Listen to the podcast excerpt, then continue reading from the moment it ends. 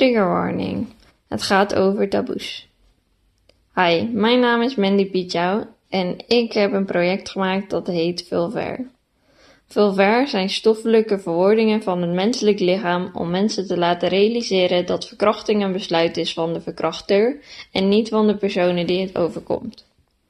Ik wil mensen laten zien en meegeven dat een gesprek over verkrachting of seksueel misbruik normaler moet worden. Veel mensen vinden het nogal lastig om toe te geven dat er zoiets is gebeurd. En andere mensen reageren er ook heel lastig op. Dit maakt dat het vaak een geheim wordt gehouden. Om mensen te laten realiseren dat het gesprek anders kan verlopen en je mensen kan steunen in deze situaties door op een andere manier te antwoorden, heb ik een project gemaakt over dit onderwerp om het gesprek opener te krijgen. Doordat ik zelf ervaringsdeskundig ben, durf ik ook te zeggen dat het anders zou moeten dan dat er wordt gereageerd.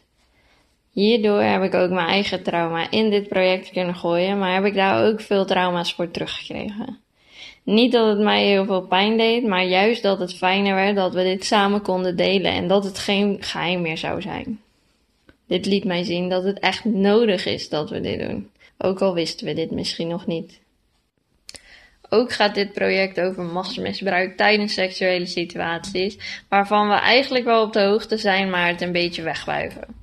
In 1820 werd de clitoris namelijk al ontdekt en in 1840 was die clitoris alweer weggelaten. Ze dachten namelijk dat de vrouwen te veel macht zouden krijgen als ze zouden weten hoe hun clitoris eruit zag en waarom en hoe het werkte. De penis werd aan de andere kant gewoon geëerd en is alle jaren een soort van heilig symbool geweest.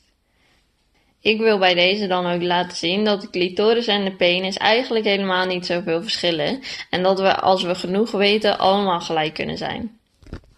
Door het machtsmisbruik en de verkrachtingen te pakken, pak ik twee taboes die eigenlijk niet besproken worden, maar echt heel belangrijk zijn.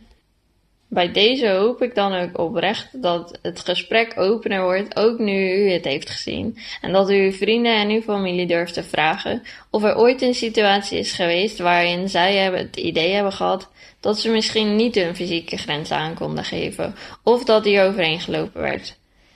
Hierdoor willen we het gesprek nogal openen en gaan we dieper op in. Dit is dan ook echt het einddoel van dit project, om mensen opener te laten spreken over deze taboes. Want 90% van de gevallen van seksueel misbruik gebeurt binnen huis bij een bekende. Hou jij je vrienden in de gaten?